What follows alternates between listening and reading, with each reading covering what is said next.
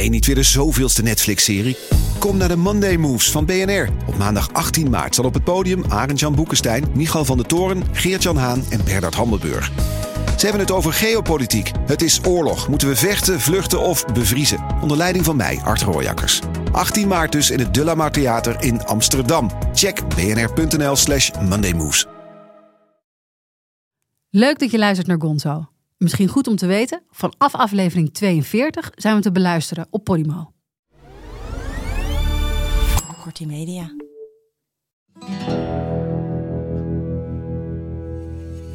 En, en ik had een cameraatje. En het ene moment had ik een camera in, mijn, in een knoopje van een, van een overhemd. En ik had ook wel eens een pencamera. En soms gebruikte ik beide. En ik had dikke vette stress. Dus, eh, want ik was de hele tijd bang dat ik zou ontdekt worden. Of dat mijn apparaten het niet zouden doen.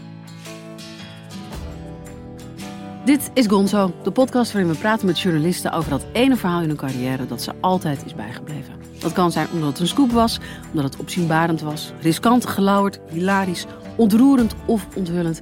Of het was en is gewoon een goed verhaal. Mijn naam is Merel Westrik, tegenover me zit Frans Lomans.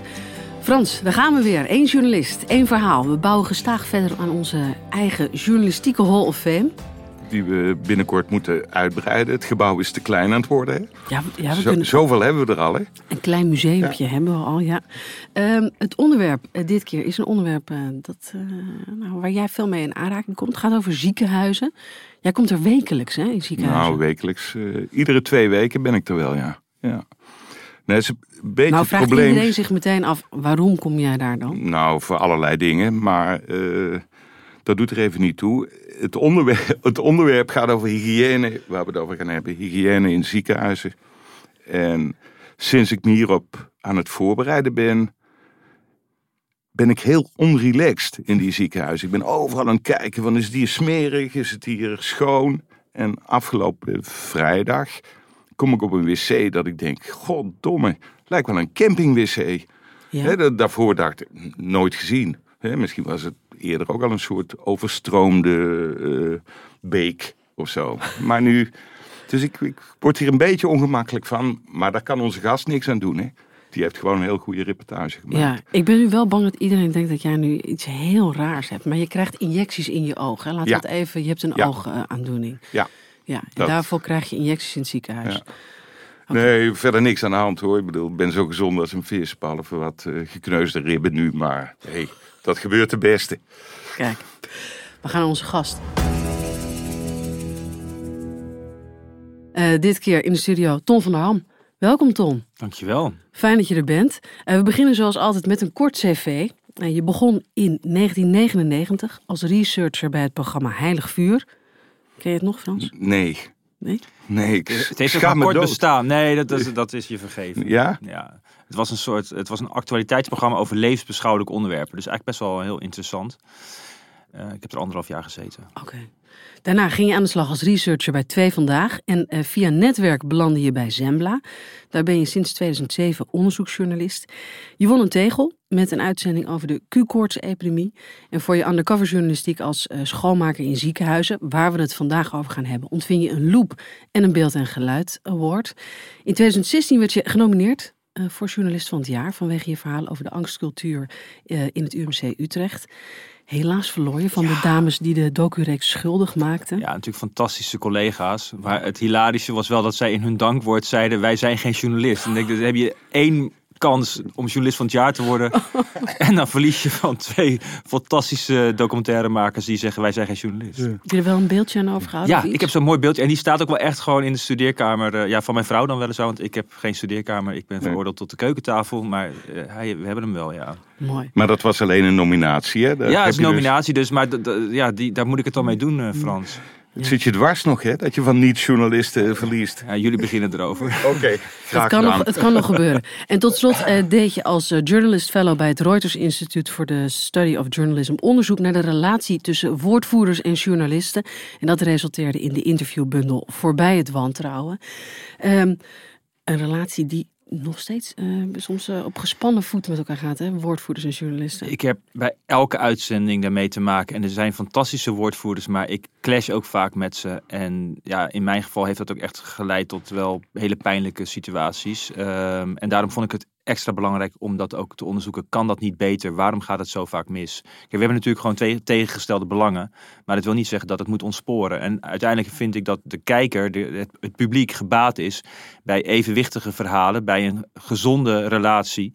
Dus daarom vond ik dat uh, uh, tof en belangrijk om te onderzoeken. Ja, want je bent een keer gearresteerd toen je een ziekenhuis uit werd gezet. Ja, dat was dus uh, dat was wel de, echt de meest hilarische climax. Uh, maar niet echt leuk aan de andere kant natuurlijk. Want ja, ik, um, ik eindigde in een cel en die woordvoerder die heeft daar inmiddels wel spijt van. En die is, dat is een van de mensen die ik heb geïnterviewd voor mijn interviewbundel ja. trouwens. Laten we daar op het eind nog ja. even uh, op terugkomen. Ja. We gaan eerst naar het begin. Toen we jou um, vroegen om te komen praten over dat ene verhaal in je carrière dat je altijd is bijgebleven. Wist je toen meteen, ja, dat moet dit verhaal zijn?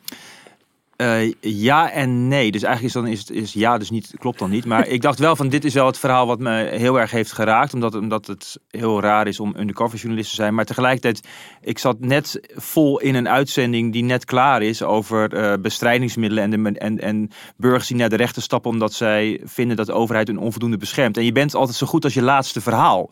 Uh, dus daar ben ik dan, en dat vind ik, ja, en je, je, daar ben ik dan helemaal vol van. En dat, ja, dus, dus ik zou ook heel graag daarover willen praten, bij wijze van spreken. Maar ik dacht, ja, dat is nu veel te vers. En ook een ontzettend belangrijk onderwerp. Bestrijdingsmiddelen is natuurlijk echt iets afschuwelijks. Nou ja, nog we, mag dat glyfosaat nog steeds. Ja, precies. Nou ja, en het erge is dat de overheid een systeem heeft opgetuigd... Uh, waarin zij moeten beoordelen of het veilig is of niet. En dat systeem deugt niet. En dat is iets wat ik al heel lang volg, al vanaf 2011... samen met collega's, want wij werken bij Zembla altijd in duo's. En um, dus dat is een, een, echt een, een dossier wat mij ook heel erg uh, dierbaar is, wat ik heel belangrijk vind. Uh, maar een van de andere dossiers die mij, uh, die mij heel erg raken, is toch ook wel die wondere wereld van de ziekenhuizen, waar Frans dus kennelijk elke twee weken naartoe gaat. En waarom raakt het je zo? Waarom fascineert het je zo, die wereld? Uh, nou, het is een wereld waarin wij als patiënten, en dus de, de kijker, de burger, eigenlijk heel kwetsbaar zijn. Dus we, zijn, we gaan daarheen, niet omdat we gezond zijn, we, we zijn ziek, we hebben een probleem.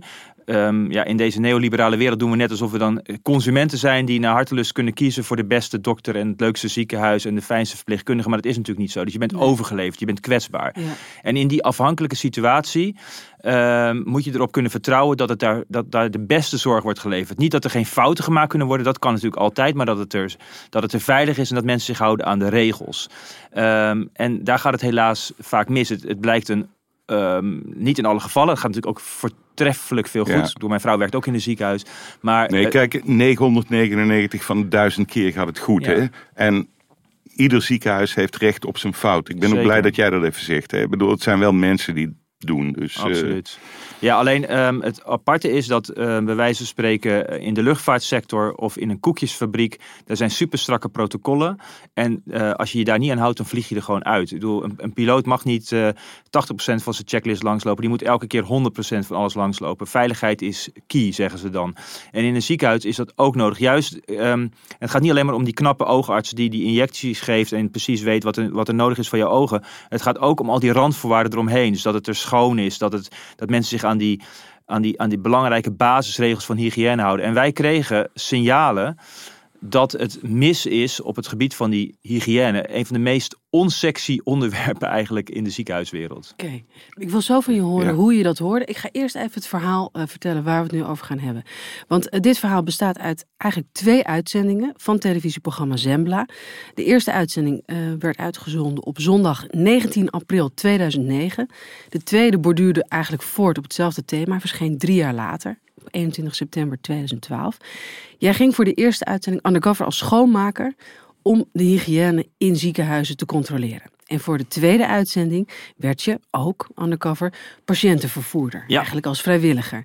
En je deed dat dus uh, om de problematische ziekenhuiscultuur aan de kaak te stellen. Een cultuur ook van angst en elkaar niet aanspreken. Met uh, alle gevolgen van dien. Hoe kwam het verhaal uh, tot je? Laten we bij die eerste uitzending beginnen. Ja, het was niet mijn eigen idee. mijn huidige eindredacteur Manon Blaas.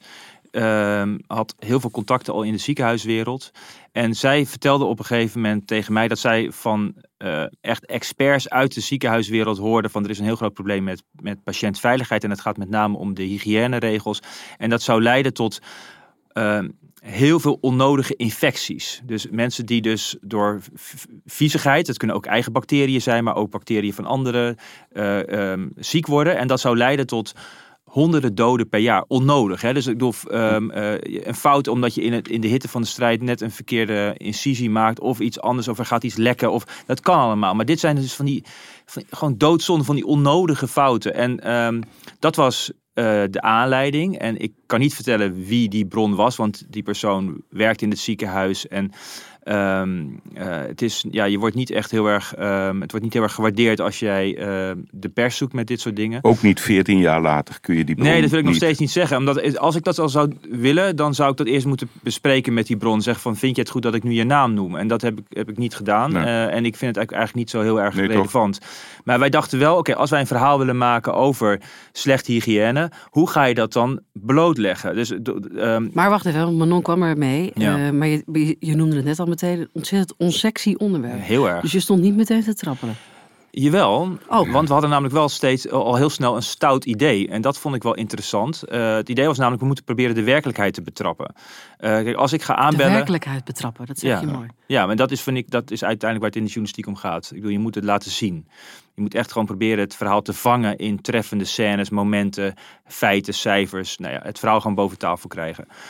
En wij dachten wel, als wij een ziekenhuis gaan bellen, of, alle, of, of de Nederlandse Vereniging van Ziekenhuizen, en zeggen van wij gaan een verhaal maken over hygiëne. En, we, en de aanname was dus, het is daar niet goed mee gesteld. En dat hadden wij dus van inmiddels meerdere bronnen begrepen.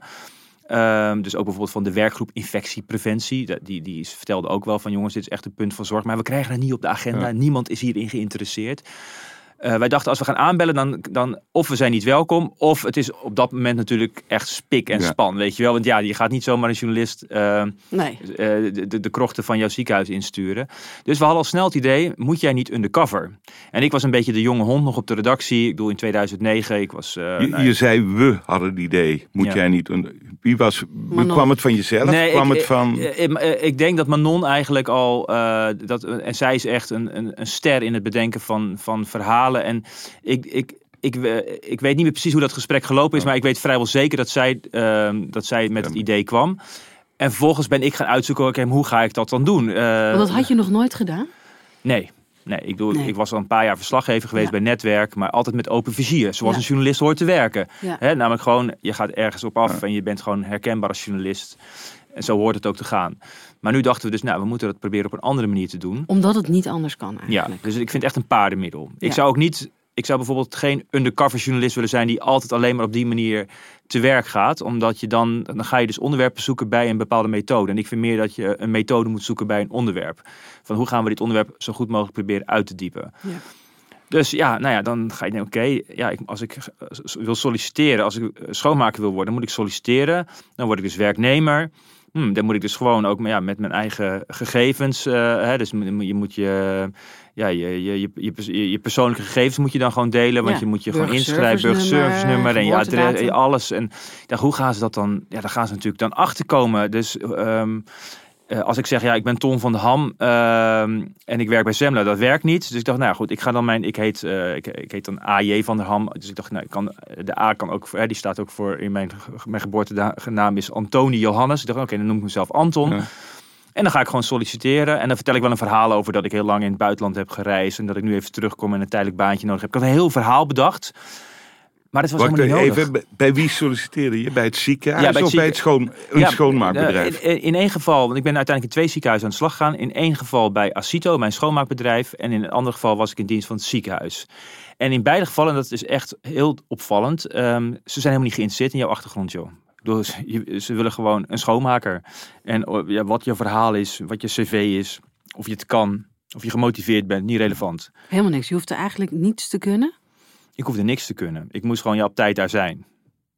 En eh, dat vond ik, ik heb het, ik heb het ongelooflijk eh, leerzaam gevonden om deel uit te maken van de onderkant van de beroepsbevolking. Waarin het dus helemaal niet, door wij denken, hè, we, eh, ja, je bent gewend dat het, dat het werk gaat over ontplooiing en dat het belangrijk is dat jij daar past en dat je deel bent van het, van de, van het, van het team. En, en nou, dat is allemaal niet... eh, Wat, wat nam je mee op je eerste werkdag? Ehm, Aantekenboekje? eh, Nee, nee, nee. Ik, had, ik was behangen met apparatuur. Eh, Dus ik had, een, ik had een band om. eh, Daar, daar, eh, daar zaten accu's in en allemaal draden. En, en, en ik had een cameraatje. En het ene moment had ik een camera in, mijn, in een knoopje van een, van een overhemd. En ik had ook wel eens een pencamera. En soms gebruikte ik beide. En ik had dikke vette stress. Dus, eh, want ik was de hele tijd bang dat ik zou ontdekt worden of dat mijn apparaten het niet zouden doen. En het was ook eh, nou, in 2009, eh, inmiddels is de techniek echt nog weer verbeterd. En toen was het allemaal nog wat gammeler. Dus ik, had, ik was continu bang dat het het niet zou doen. Maar ik, ik, ik hing dus echt, ik was, ja, ik, ik was als de dood dat mensen mij ook per ongeluk zouden aanraken. Want dan zouden ze voelen dat, er allemaal, dat ik een soort bomgordel Ja, ja. om mijn lichaam had. En had je daar wel iets van training in gekregen, Ton? Of heb je daar iets van begeleiding in gekregen? Of ging je gewoon echt meteen met je schoonmaakpak aan, behangen met dat spul? Nou, ik, ben- je ik, eh, dan ga je naar zo'n facilitair bedrijf en die, eh, die hebben dan die spullen. Dus die huren wij dan. Wij hebben als Semla niet een, een la vol met eh, verborgen camera materiaal. Dus dat, dat huur je dan in en dan krijg je uitleg hoe dat werkt. En, die- en die jongen die heeft mij wel daar goed bij geholpen. En ik heb vooral ehm, eh, gezorgd dat ik wist waar ik op moest letten.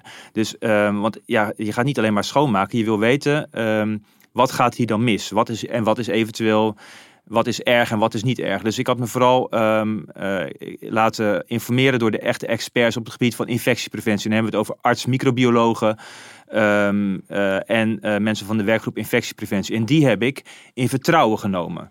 Want dat was natuurlijk belangrijk. Je Ik- vertelde wat je ging doen. ik vertelde wat ik ging doen. En dat was best wel spannend. Want bijvoorbeeld professor Kluitmans, het is inmiddels een, een, een landelijk bekende arts-microbioloog. Iedereen kent hem nog wel van de coronatijd. Dat hij zat nou ja, wekelijks aan tafel bij, bij Op1. Andreas Vos, zelfde laken en pak. Dat waren echt experts. En ehm, wij hebben tegen ze gezegd, eh, we gaan iets, iets doen. Ehm, vinden jullie dit een belangrijk onderwerp? Ja, dat vonden ze. Ik zei, dan gaan wij voor een onorthodoxe methode kiezen. Eh, kunnen we jullie vertrouwen? Ehm, want wij gaan bij collega's ziekenhuizen dus undercover. En het gaat ons niet om dat ene ziekenhuis, maar het gaat ons echt om het dossier. En ik merkte dat zij dat ook wel lastig vonden, want het zijn natuurlijk ook hun collega's. En tegelijkertijd vonden ze het ook een heel erg belangrijk onderwerp. Dus eh, zij hebben hun woord gegeven van oké, wij gaan hier niks over vertellen. En wij gaan jou zo goed mogelijk eh, helpen om te snappen eh, wat er op het spel staat. Wat zeiden ze tegen je? Waar moest je op letten? Nou ja, het zijn de hele basale regels. Dus bijvoorbeeld dat eh, iedereen die in een ziekenhuis werkt, eh, mag geen eh, horloges en ringen dragen en korte mouwen. Dus dat is heel erg belangrijk, omdat onder, onder ringen en horloges daar kunnen bacteriën zitten. Je kan je dan niet goed, je kan je handen niet goed wassen. Dus dat is heel belangrijk. En dat speelde overigens vooral toen ik als patiëntenvervoerder aan de slag ging, want daar ging het ook veel over hoe, hoe verpleegkundigen en artsen met patiënten omgingen. En bij het schoonmaken gaat het gewoon echt over hoe maak je nou een ruimte goed schoon?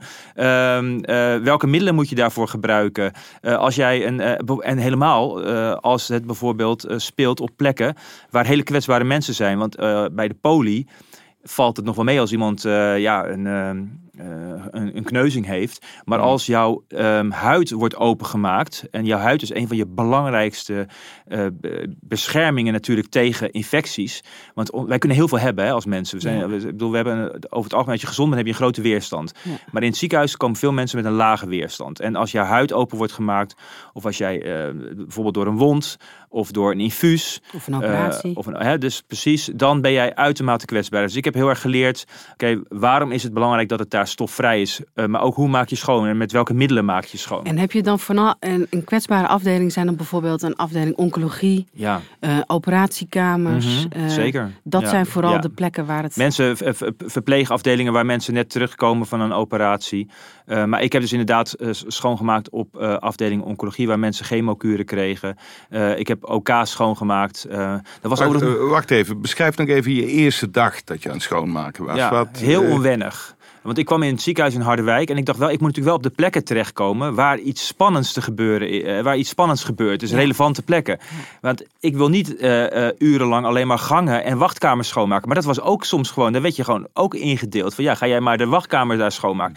Ja, potverdorie. Hier heb, dat Daar is- ben ik niet voor. Nee, daar ben ik Nee. niet voor. Dus ik moest de hele tijd proberen weer wel, ja. om, om bij de, op de leuke plekken terecht te komen. Dus ik was, ik denk dat ze dat heel raar vonden, want de meeste collega's, ja, die wilden, nou, er was trouwens een onderscheid. Je had collega's die echt wel met veel toewijding hun werk deden, en die kwam ik vooral eigenlijk tegen in, eh, in Delft, waar ze in dienst waren van het ziekenhuis.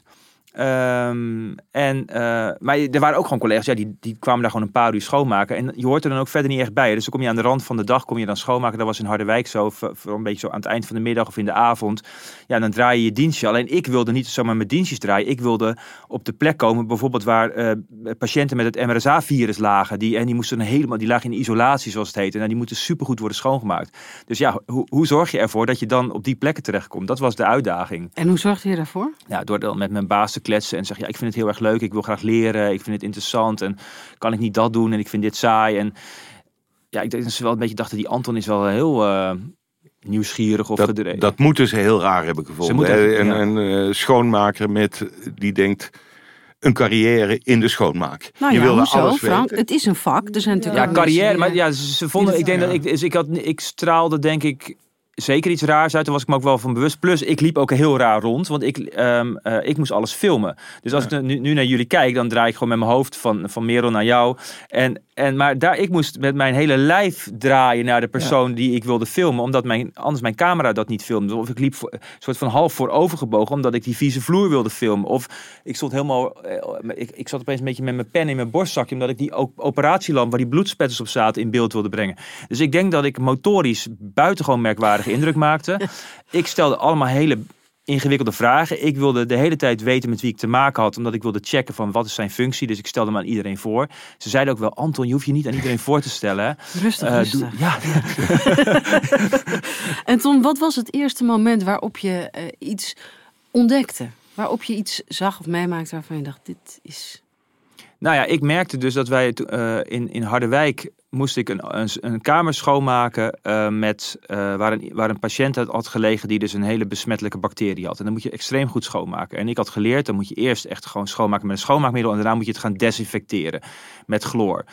En ik merkte dat wij meteen met chloor aan de slag gingen. Dus ik dacht, maar dat klopt toch helemaal niet? En zij zeiden, ja, nee, dat maakt helemaal niet uit, want met chloor pak je alles. Ik dacht, ja, maar dit is niet waar. Want ik had geleerd van de mevrouw van de werkgroep infectiepreventie... dat je dan alleen maar eigenlijk die viezigheid aan het verspreiden bent. En je kan alleen maar goed, ja, ook voor, voor, voor thuis ook belangrijk. Dit was voor ja. mij een eye-opener, want, want, ik gooi thuis ook wel gewoon eens chloor meteen in ja. alles. Omdat ik het is dan een denk, bende bij jou thuis, dat, ja, omdat ik dan denk dat alles gedesinfecteerd meteen is. Maar je moet dus eerst huishoudelijk schoonmaken. Eerst huishoudelijk met schoonmaken. een schoonmaakmiddel. En dan pas kan je desinfecteren ja. met chloor. Ja, en in, in Delft, daar, viel ik, daar, daar zat ik eigenlijk beter op mijn plek. Want daar, kon ik, daar kwam ik al heel snel op de operatiekamer te werken. En daar zag ik dus gewoon echt hoe vies het was. En ik sprak daar ook de chirurg op aan of de hoofdanesthesist. En die gaven ook gewoon toe van, ja jongens, het is hier gewoon een, uh, het is hier een vieze bende. Ik dacht, hoe kan dat nou? Hoe... Ze accepteerden dus blijkbaar dat er een situatie is waarin zij topsport moeten bedrijven. Namelijk mensen opereren, wat een extreem grote verantwoordelijkheid is. Want je ligt daar als patiënt totaal overgeleverd in een omgeving die niet schoon is. Terwijl ik had geleerd hoe belangrijk het was. Dus dat vond ik heel heftig. Wat ik ook hilarisch vond was dat ik uh, rondes liep uh, gewoon over verpleegafdelingen waarin wij met lege emmers onze schoonmaakrondes deden. Hè? Ja, dat, dus dat, dat dacht zonder dus ook water en schoonmaakmiddel. Ja, nou ja, die, ja, en dan was het gewoon van ja, optisch schoon is ook schoon. Dus uh, oh, deze toilet ziet er wel netjes uit. Oh, die patiënt is waarschijnlijk niet veel naar de wc geweest. Nou ja, hupsakee, doortrekken mm. en door. Dat vond ik ook echt. Ja, we, dus ja, we, we liepen er soms ook gewoon de kantjes vanaf. Dat was, uh, en dat is ook wel weer begrijpelijk, mm. omdat die mensen ook helemaal niet worden uitgedaagd om het beste uit zichzelf te halen. Maar, maar zijn er protocollen? Worden scho- Zeker. Kwam, kwam jij tegen dat er een protocol werd uitgelegd? Of dat het belang van goed schoonmaken in een ziekenhuis werd uitgelegd? Ja, mensen matig. Doen? Ik, vond, ik vond de voorlichting aan nieuwe medewerkers bijvoorbeeld ook heel slecht. Dus ik ging zelf alles vragen. Want dan, dan merkte ik bijvoorbeeld op een van mijn eerste dagen in Delft. Dan zei ze, ja, je, moet met, je hebt de groene fles en de blauwe fles. En die groene fles moet je voor dit gebruiken en de blauwe fles moet je voor dat. Maar ik zag op de etiketten iets heel anders. Dus ik moest de wc gaan schoonmaken met meubelreiniger. Dus ik vroeg, ja, maar dat klopt toch helemaal niet? Want op het plaatje staat, die zo, ja, maar je moet niet op die plaatjes letten. Je moet gewoon, zo, zo doen wij het hier.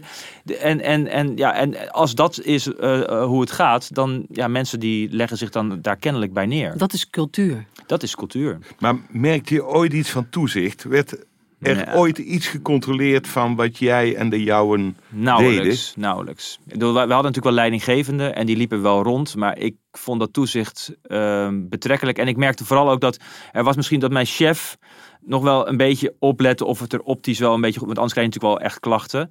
Uh, maar uh, bijvoorbeeld verpleegkundigen of dokters, ja, die lieten dat gewoon voor wat het was. Die bemoeiden zich er niet mee. Ik voelde me ook heel erg Ehm, eh, want je bent eigenlijk allemaal collega's, want je werkt in hetzelfde ziekenhuis. Je hebt een andere functie, maar we doen het allemaal met elkaar. Ik bedoel, dat is bij ons op de redactie ook. We doen met elkaar maken we het programma. Ehm, en hier had je het idee van het, het gaat allemaal langs elkaar heen. Ik stond op een gegeven moment ook op, de, op een trap, stond ik de televisie schoon te maken eh, in Delft. En dat was wel heel grappig, want ik, tenminste, ik vond het, ik had dan, ik vond het zelf heel grappig dat ik als man van de televisie eh, de Ja. taak had gekregen om de televisie schoon te maken. Want dat wa- hadden ze nog nooit gedaan, namelijk op die afdeling. En dat was te zien ook, want het was vreselijk smerig. Echt dikke, lage stof. Ja, boven vlokken, bedden, van die vlokken stof, die vielen er allemaal, ja. En dan komt daar, eh, dan komt zo'n arts visite lopen. Die staat dan bij dat bed en die kijkt dan om, die ziet, die ziet mij daar dan zo, zo bezig. En die, je, voelt gewoon alles dat je denkt, wat, wat, wat doe je hier of zo. Je, het is heel interessant om die hiërarchie, eh, om, om, want als journalist ben je altijd, normaal gesproken vinden mensen het, ja, zijn ze toch wel, eh, vinden ze het leuk dat je komt of ze willen graag hun verhaal vertellen of ze zijn op hun hoede omdat ze denken, nou, het wordt een kritisch interview. Maar nu was ik schoonmaker. Ik was gewoon, ja, ik was die schoonmaker. Die, daar, daar, daar, deed je, die, die, die was er, maar daar, daar lette je verder niet op. Dus er was nauwelijks eigenlijk echt, echt interesse, hè, want je had het over toezicht. Maar er was niet echt interesse in het werk wat wij deden, terwijl het juist zo belangrijk is.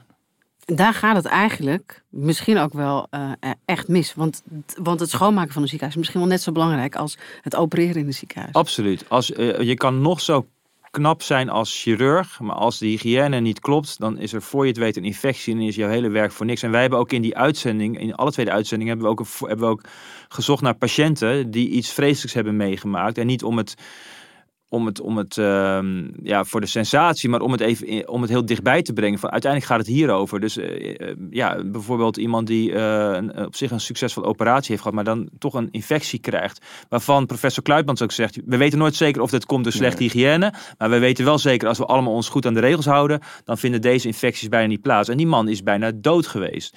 En dat is natuurlijk, ja, als je dat realiseert, dan zou het eigenlijk veel meer ja, zou, zou iedereen het super belangrijk moeten vinden? Zou je daar echt voor moeten willen gaan? En eh, ja, je kan het wel, je kan allemaal wel leuke campagnes bedenken, maar uiteindelijk moet je het gewoon ook vooral eh, doen. Ja. Hey, na, na hoeveel dagen schoonmaken had jij het idee van...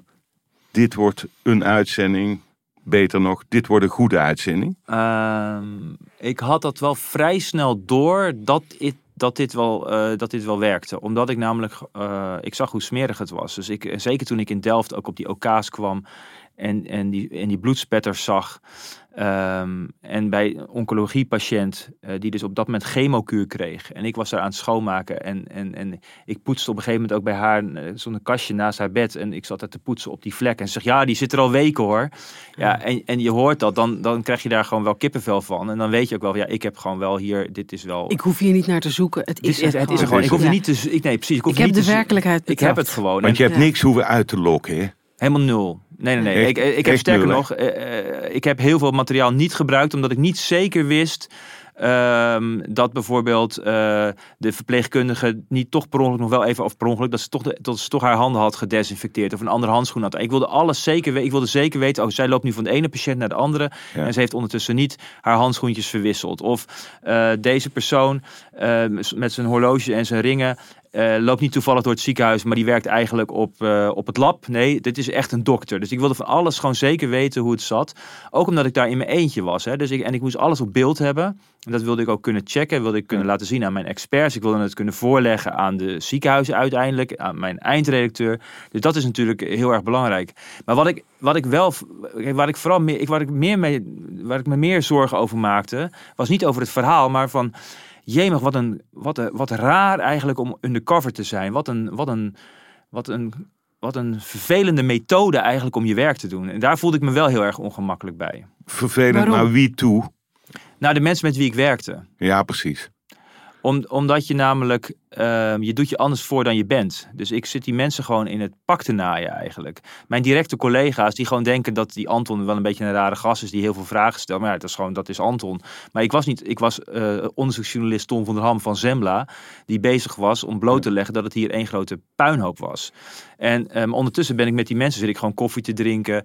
eh, eh, maak ik praatjes, wil ik weten hoe het werkt. Zit ik ook, ik zit geen dingen uit te lokken, maar ik wil wel het gesprek een bepaalde kant op krijgen. En ik, las ook, ik ook jullie podcast met Joris Luijendijk, die ook iets heel, op een gegeven moment iets heel interessants zei over dat je als journalist eigenlijk een beetje ontmenselijkt. Omdat je namelijk, eh, ja, je, je, maakt, je beschrijft in, in zijn geval de meest vreselijke dingen. Dat wil je vangen voor je, voor je publiek. En tegelijkertijd wil je, maak je ook weer connectie met mensen. Dus het is heel schizofreen. En dat voelde ik ook als schoonmaker. Ik bedoel, dat is een minder, zijn minder heftige verhalen dan bomaanslagen en zelfmoordterrorisme in, in, in het Midden-Oosten. Maar ik voelde wel die schizofrenie. En dat ik ook dacht Oké, Ton, je bent blijkbaar goed in liegen. Want je kunt dus gewoon een. Je, je, je, je, je, je, je, je hangt een fictief verhaal uh, op uh, en dat gaat je goed af. Je zit mensen uh, voor de gek te houden. waar je wel gewoon aardig tegen loopt te doen. Ja, en dat voelt wel echt ongemakkelijk. Ja, we hadden hier ook uh, Jeroen van Berg-Eik oh, ja. uh, te gast. Die, die heeft er echt zijn werk van ja, gemaakt als undercover journalist. Ja. En die uh, heeft verteld over zijn tijd als callcenter medewerker bij Weekamp. Uh, daar, hij, had ook echt een, hij kreeg ook een enorm schuldgevoel. En heeft ook echt later echt daadwerkelijk last van gekregen. Ontdekte ja. hij ook patronen die, die dat hij het in zijn dagelijks leven ook. Uh, nou ja, ik, helemaal, dat ging echt even helemaal niet lekker. Nee, ik heb het eigenlijk. Ik heb het dus twee keer gedaan voor, voor, deze, voor deze twee verhalen. En later nog een keertje ook in een ziekenhuis trouwens. Omdat ik uh, wilde weten of artsen eerlijk vertellen wat de risico's zijn van ooglaseroperaties. Een zeer lucratieve tak van ja. sport. Ik zou het niet doen, Frans. Eh, nee. Oké. Okay.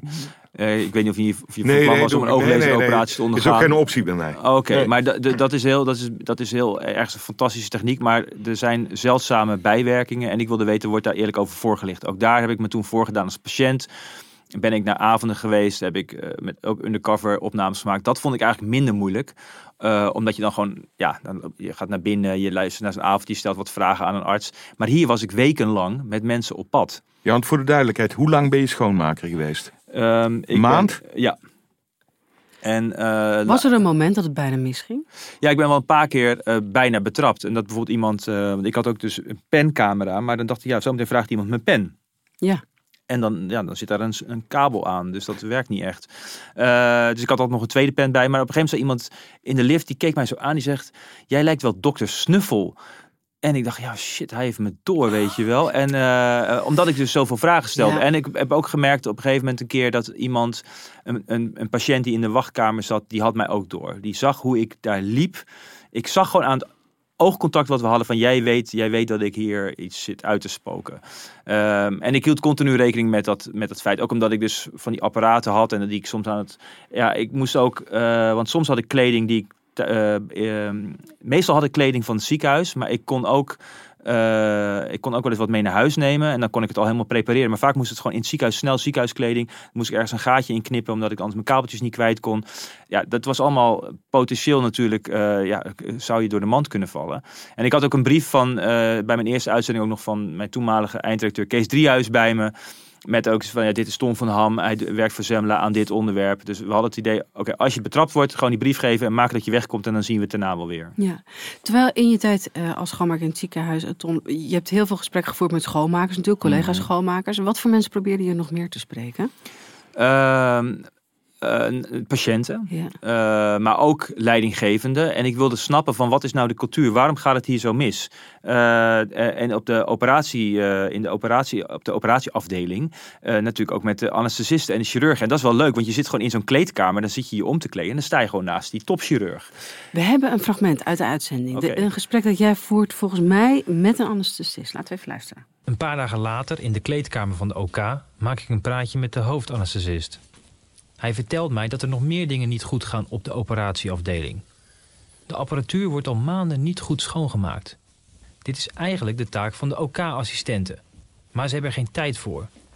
En wij schoonmakers mogen niet aan die dure, kwetsbare machines komen. Maakt u zich echt een beetje zorgen over dan? Ja. Waarom? Waarom is het?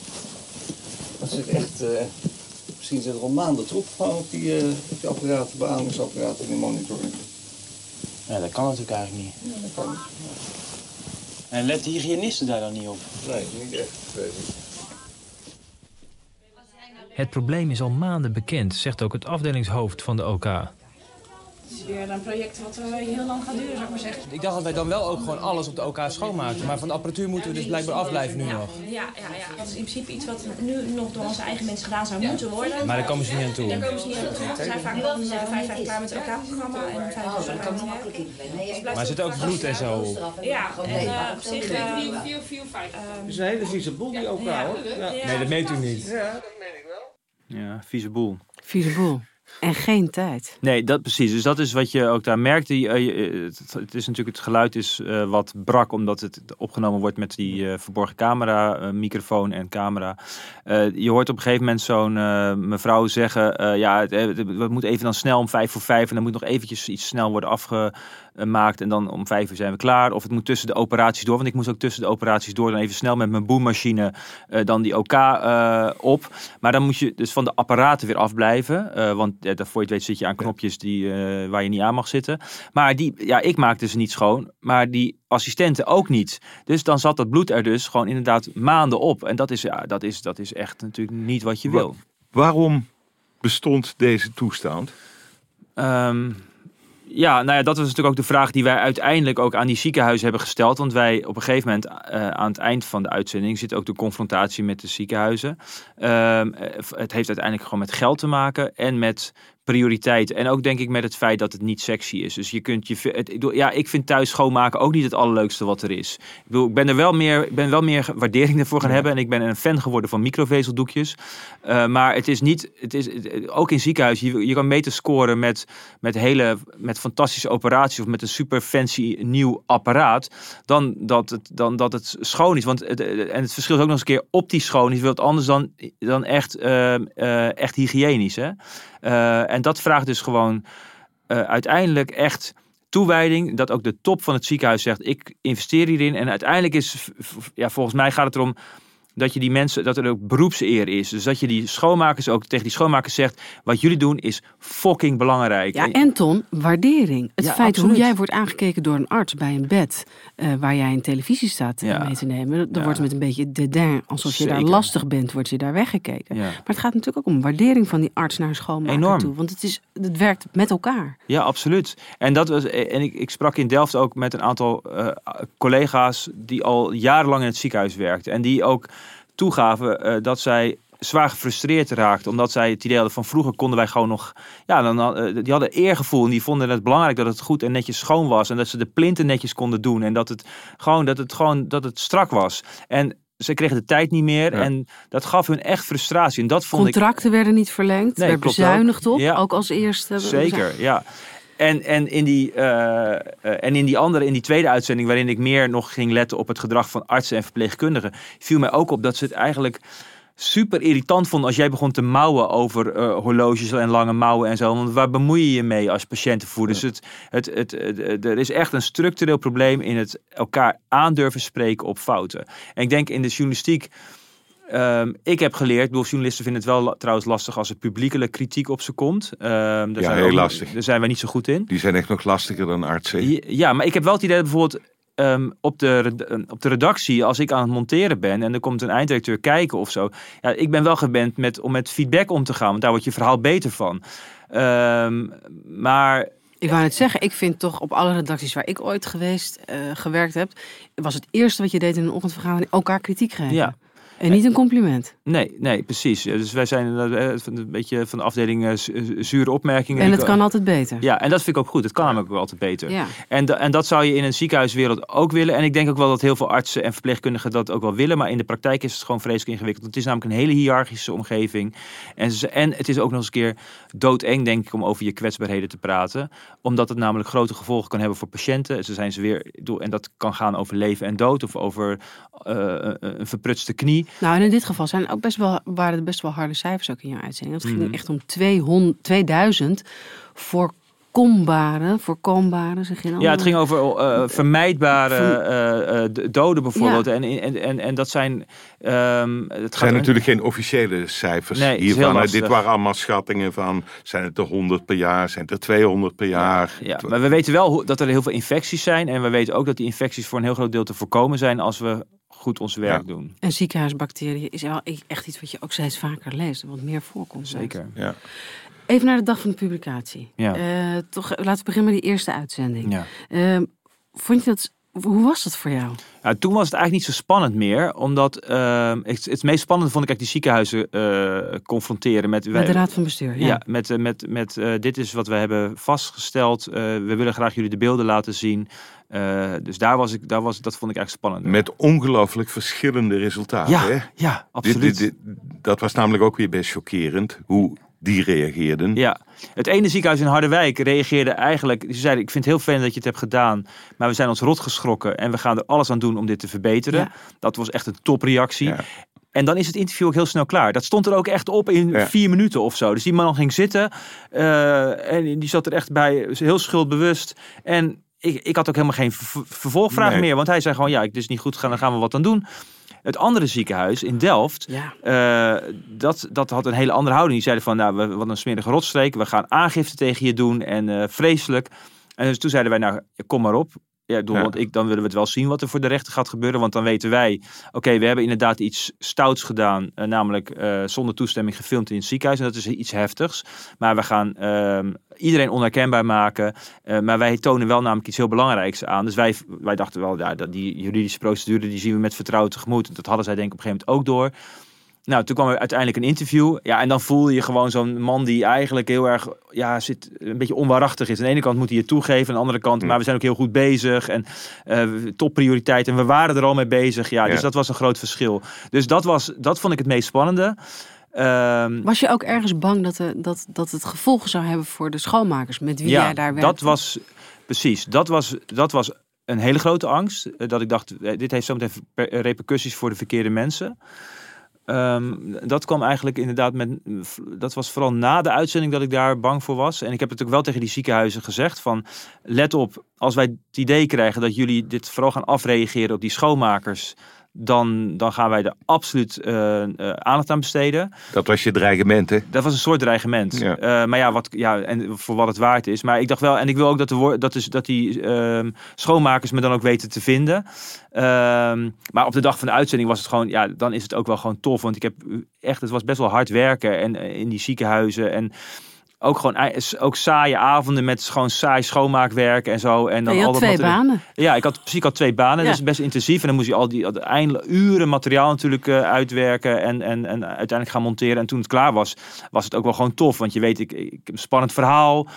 Ik heb nieuws, het komt in het journaal. eh, ik, ik zat bij Pauw en Witteman. Ja, klopt. en, Ja. Weet je, dus dat was allemaal gewoon... Dat zat je op de avond zelf, zat je al bij, of, of was Ja, voor mij was daarna? het, nee, het was de avond zelf. Dat, dat eh, Paul Witteman ook zo dan die, die, die gastenruimte op, eh, oploopt en je zo'n schouderklopje geeft van nou eh, Ton, dit is jouw avond, geniet ervan. Ja, dan, dat is dan ook gewoon wel even leuk. Ja, ja zo Ja. is het Hey, ook we hebben allemaal een ego, hè Tom? Ja, zeker. Toch? En, eh, ja, en daar hebben we hard voor gewerkt. Dus dat, eh, maar ik vind het punt van die schoonmakers, eh, dat was zeker wel een, een eh, vond ik iets zorgelijks. Dat, dat speelde trouwens ook bij de tweede uitzending. Dat ik dacht van, ik heb met heel veel mensen daar opgetrokken. En die, heb ik, eh, die schrikken zich een hoedje als ze erachter komen dat ze zijn opgenomen. En vooral eh, bij het ziekenhuis in Harderwijk heb ik daarna ook nog een keer eh, die schoonmakers weer ehm, eh, ja, opgezocht. En daar zag ik eigenlijk best wel tegenop. En hoe ging dat? Nou, ik werd benaderd eh, door het ziekenhuis een aantal weken na de uitzending. En zij hadden al gezegd van wij willen nu het schoonste ziekenhuis worden van Nederland. Dus door, goed. ja, dat vond ik echt een Ja. topreactie. Ja. En toen, zei, eh, toen, zei, toen belde de woordvoerder op en die zei, eh, ze zei van ja Ton, wij gaan een dag organiseren, de dag van de schoonmaker. En dan willen we de schoonmakers in het zonnetje zetten. En dan gaan we een prijs uitreiken voor de beste schoonmaker. En ehm, ja, wil jij komen om die prijs uit te reiken? En ik zei, ja, ja, nee, want ik wil niet een soort marketingvehikel worden voor jullie. En eh, dat, dat, daar voel ik me ongemakkelijk bij. En ik ben geen showbiz master en weet ik wat allemaal. Dus dat, dat, dat gaan we niet doen. Zei, ze, ja, nou moet je niet, zo flauw Ja. doen, Ton. Want je hebt ons gewoon behoorlijk voor de bus gegooid. En nou moet je ook gewoon, doe nou ook eens even stoer en kom nou gewoon eventjes. En toen dacht ik, ja, je hebt eigenlijk ook gewoon gelijk. 100% gelijk. Ja, hè? Ja. Ja, maar ik voelde me even, ik dacht, ja, wat moet ik dan? En, eh, want eh, weet je waar ik bang voor was?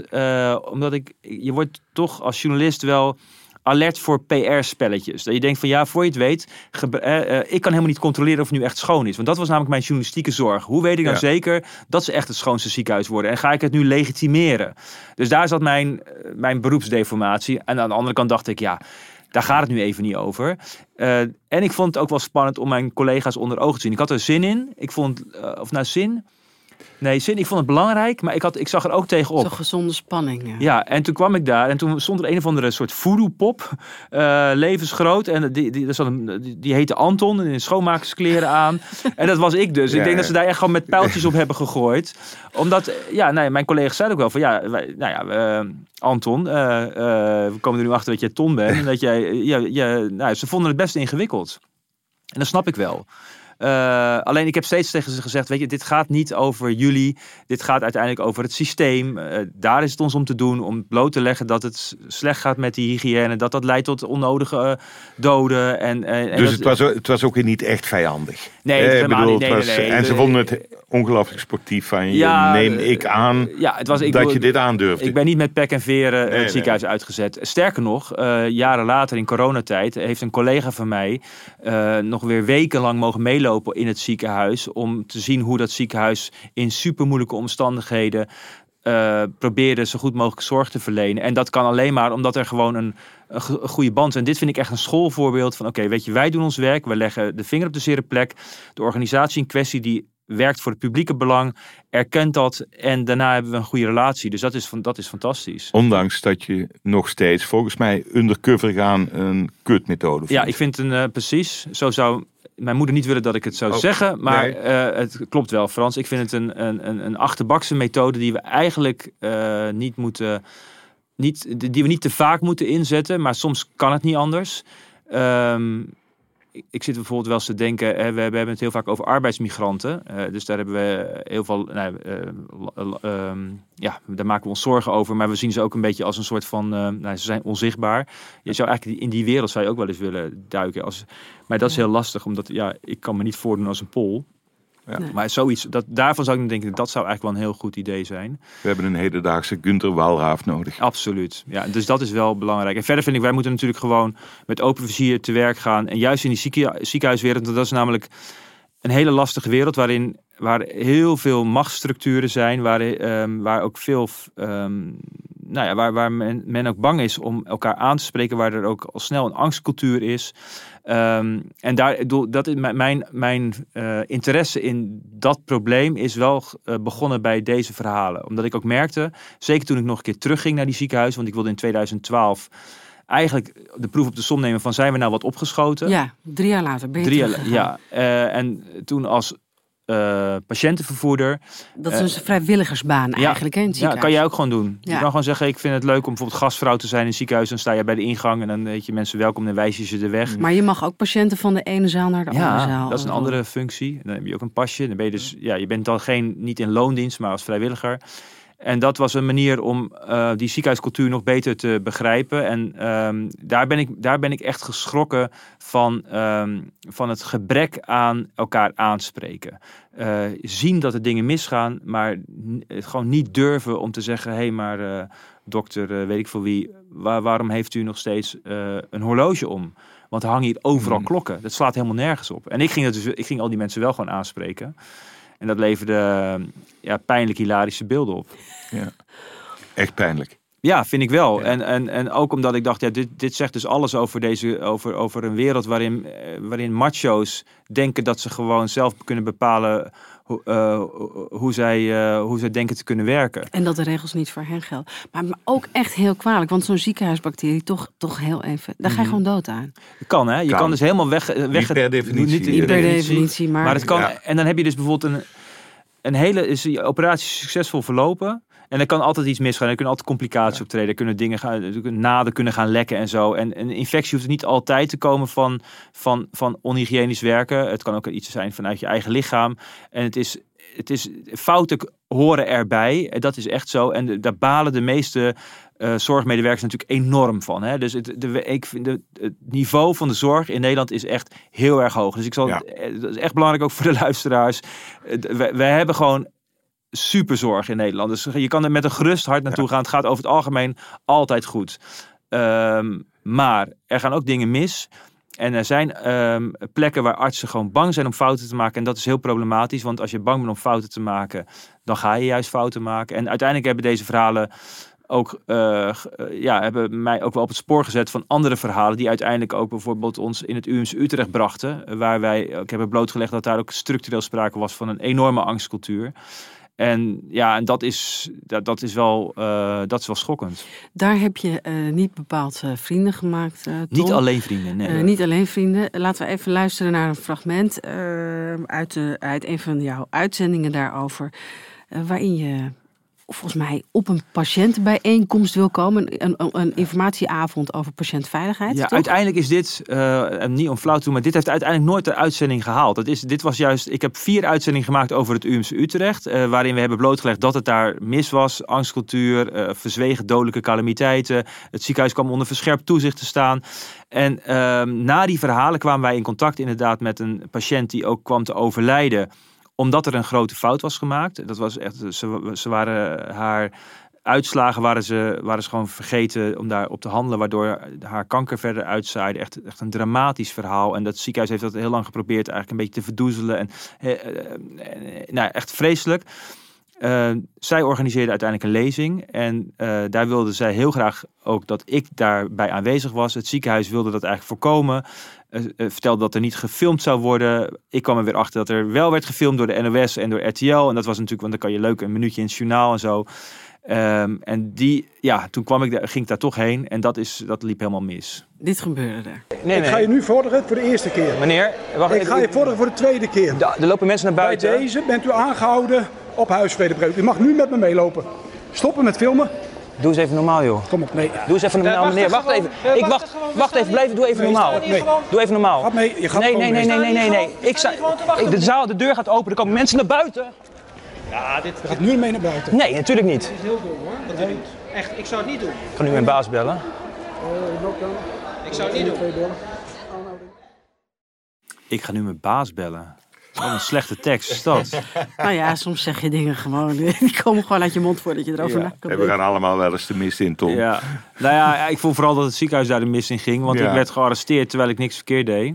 Eh, maar het heeft mij wel strafblad. Ja, het heeft me een strafblad opgeleverd. Want het ziekenhuis vond dat ik huisvredebreuk had gepleegd. Dus zij, eh, die, die hoorden die beveiligers mij vorderen het ziekenhuis te verlaten. Ik gaf daar geen gehoor aan. En dan, als je dan twee of drie keer daar niet naar hebt geluisterd, dan pleeg je huisvredebreuk.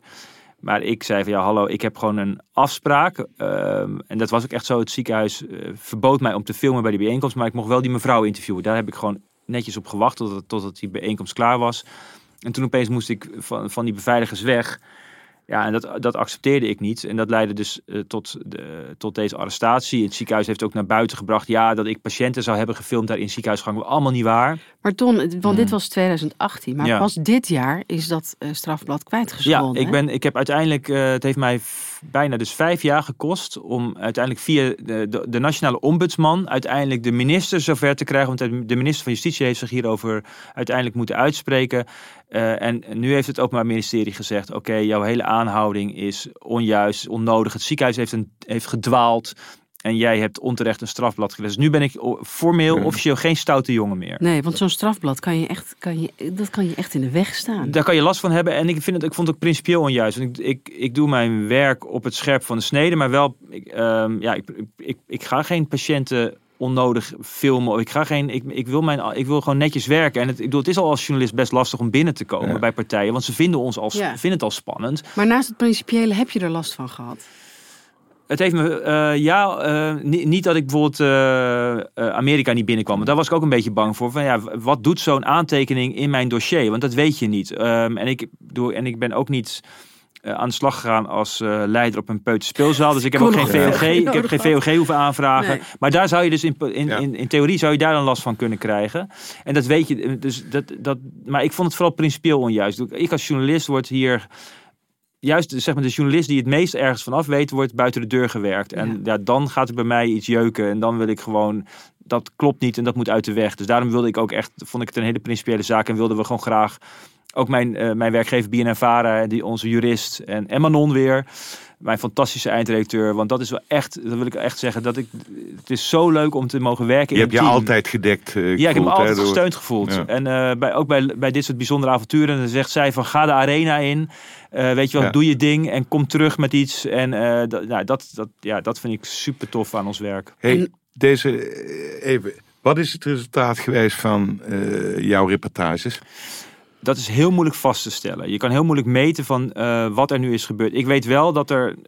Ik hoor terug dat eh, eh, hygiëne in ziekenhuizen wel veel meer ehm, eh, aandacht heeft gekregen. Het is zelfs op een gegeven moment een keer zo geweest dat een ziekenhuis in Eindhoven zelf camera's had opgehangen om ook te kijken hoe het ging. En toen hadden ze een, hadden ze een personeelsbijeenkomst. Toen zeiden ze, ja, Zembla is weer langs geweest om undercover opname te maken. Ja, dat vond ik niet tof dat ze dat deden, want ik vind niet dat ze mijn naam ijdel mogen gebruiken.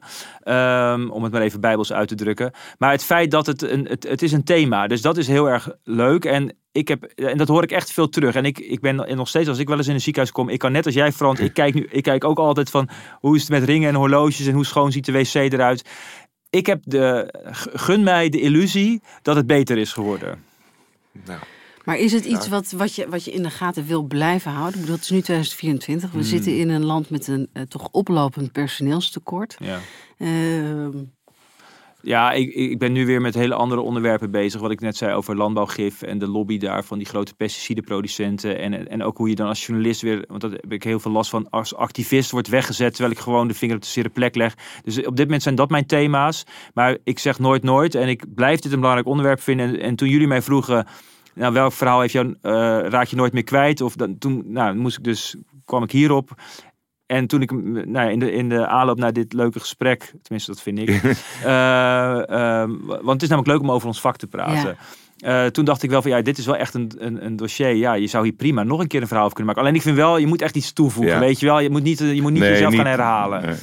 En dat zou het waarschijnlijk worden. En Nou ja. dan hopelijk in minder erge vorm. Ja, als je het weer zou doen. hè. Tips zijn altijd welkom. En met het UMC Utrecht toch even. Ja. Is dat nog eh, goed gekomen? Want Ja. naar aanleiding van die arrestatie heb jij eh, ook die, onder, die relatie tussen woordvoerders en journalisten ben je gaan Mhm. onderzoeken voor je boek. Is het, is het goed gekomen? Ja, ehm, kijk, ik ben geen. eh, Erik Trindheim, de woordvoerder die mij heeft gearresteerd.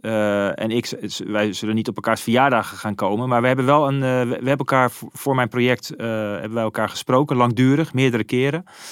Ehm, en dat heeft wel geleid tot, tot beter begrip van elkaars situatie. Ehm, en nou, we hebben nog net geen road, to- tour gemaakt door het land. Maar we hebben al wel een paar keer voor bijeenkomsten met bijvoorbeeld allemaal journalisten of juist allemaal woordvoerders hebben we hierover gepraat. Eh, eh, omdat wij denken dat, eh, alle twee denken dat het in het belang is van ons publiek. Als, er, als, als de relatie minder krampachtig is. Eh, dus ik moet me ook als journalist bedenken dat als ik ergens naartoe ga, dat dat heftig overkomt. En dat mensen eh, onder druk staan. En, eh, en dat ik dus dat ik ook moet proberen te. En je bent ook best een heftig iemand, hè? Mhm. Voor alle duidelijkheid. Vind jij dat, Frans? Ja, dat vind ik toch. Nou, dan heb je, ja, nou, daar Ik ben bedoel, ik. je, bent, je bent niet... Bevlogen. Bevlogen. ja, maar dat kan ook heftig overkomen. Ja, en daar moet ik dus ook, dat, dat- dat ja. vind ik ook iets om te leren. En ik ben bang dat ik het nooit helemaal kwijtraak. Ik zou wel eens willen, wanneer word ik nou zo rustig als eh, Frans? Frans? ja, maar dat Nee, ik dus- hou dit vast. Nee, ik, ik vind het ook goed. Maar ik, Ja. bedoel, ik zou ook weer niet heel graag in de hoek gedreven willen worden door Toon. Ja, maar ik wil niemand in de hoek drijven. Nu zeg Nee, je, daar gaat het om. letterlijk even. Hè, van Ja. Als jij gaat vragen, dan vraag je namelijk zo hard en pertinent en onontkoombaar. Ik bedoel, jij wilt antwoorden. Ja, ik wil gewoon antwoorden. En ik denk, volgens mij moeten wij soft en stoer tegelijkertijd zijn. Dus ik wil als journalist begrip hebben voor jouw situatie. En ook snap dat de werkelijkheid complex is. En ik zeg ook altijd tegen woordvoerders van bijvoorbeeld ministers. Of van tegen een ziekenhuisdirecteur. Ik wil, niet, ik wil niet winnen van jou. Het is helemaal geen wedstrijd. Ik wil gewoon snappen hoe het zit.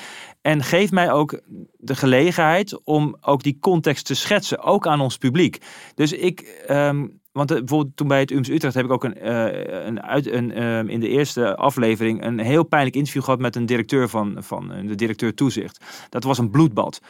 Ja, dan kan je zeggen, oh gaaf, ik heb, een, ik heb een stoer interview en die man die valt helemaal stil en die geeft allemaal hele rare antwoorden. Ja, ik heb het natuurlijk moeten gebruiken, maar het is niet zo dat ik daar dan van geniet. Ik, heb er ook, ik profiteer er ook niet van, want daarna is het dus het beeld bevestigd. Kijk eens, bij Ton van der Ham kom je op de slagbank terecht. Terwijl dat wil ik helemaal niet. Als die man zich gewoon dat goed had voorbereid, als hij gewoon Ja. eerlijk, als hij waarachtig was geweest, was er gewoon een goed, was, was er gewoon een heel ander interview gekomen. Dus ik denk, als jouw verhaal gewoon klopt, dan moet je het ook kunnen uitleggen. En dan is het aan de journalist om te snappen dat elke poging om de werkelijkheid te beschrijven eh, altijd kwetsbaar is. Hè. Ik, ik, eh, ja, elke beschrijving van de werkelijkheid is ergens ook een verminking van de werkelijkheid. eh, omdat je namelijk, ja, je, moet, je, je, je, je, laat altijd toch dingen weg. En je, zonder dat je, ik bedoel, je wil de feiten wel recht doen, maar je, je kiest toch een bepaalde insteek. En dat is, dat is altijd uh, lastig. En ik vind dat een journalist zich daar bewust van moet zijn. Dat het dus en heftig is als jij aanbelt. Dat uh, zo'n organisatie denkt, ja, maar ondertussen zijn we echt wel goed bezig. Maar uh, ja, en het gaat 99 keer goed. En jullie gaan nu precies net de vinger leggen bij die ene keer. Uh, ja, is, geef je wel genoeg context? dus ik vind dat wij als journalist, en daar, ik heb er echt wel van geleerd door ook met die woordvoerders daarover in gesprek te gaan. En ook bijvoorbeeld als ik zo'n verhaal maak over vieze ziekenhuizen. Ehm, weet wat je doet, wat dat ook doet met de mensen over wie je bericht we moeten ons steeds weer daar bewust van zijn. Dat wij een heel machtig middel in handen hebben. Waar we buitengewoon zorgvuldig en, uh, mee om moeten gaan. Ik uh, wil nog even zeggen dat mensen dat best nog eens terug mogen kijken. Die uh, reportages die Ton heeft gemaakt. Want ik vond met name die eerste vond ik meer dan erg goed. Ja, we zetten linkjes in de omschrijving bij deze aflevering. Dus dan kan je de twee Zembla afleveringen van 2009. Ton en 2012. En de hele redactie terugkijken. Dankjewel, Ton, dat je er wilde zijn. En uh, dit was Gonzo. Mijn naam is Merel Westerik. Tegenover me zit Frans Lomans. Mocht je nou vragen hebben, suggesties, mail vooral naar gonzo.kortimedia.nl. Laat ook een recensie achter. Dat is leuk. Uh, dan is Gonzo ook beter vindbaar voor andere luisteraars. Oh, en Frans, uh, voor ik het vergeet, de Dutch Podcast Awards komen eraan. stem op ons. Heb jij op jezelf gestemd? Nee, dat... Nee? Ik ben er wel toe in staat, maar ik heb het niet gedaan nog. Nou, ga dat even doen. Maar als je dus deze podcast uh, al luistert en je vindt hem leuk... Uh, we, kunnen, we maken kans op een publieksprijs als je op ons stemt. Dus uh, ik zal even vertellen wat je daarvoor moet doen. Ga naar podcastawards.nl en breng vooral je stem uit. En dat kan tot en met vrijdag 27 oktober. Dus doe maar. Ja, winnen we ook een keer wat. Volgende week, Frans, weer een goed verhaal. Laten we dat hopen. Tot dan.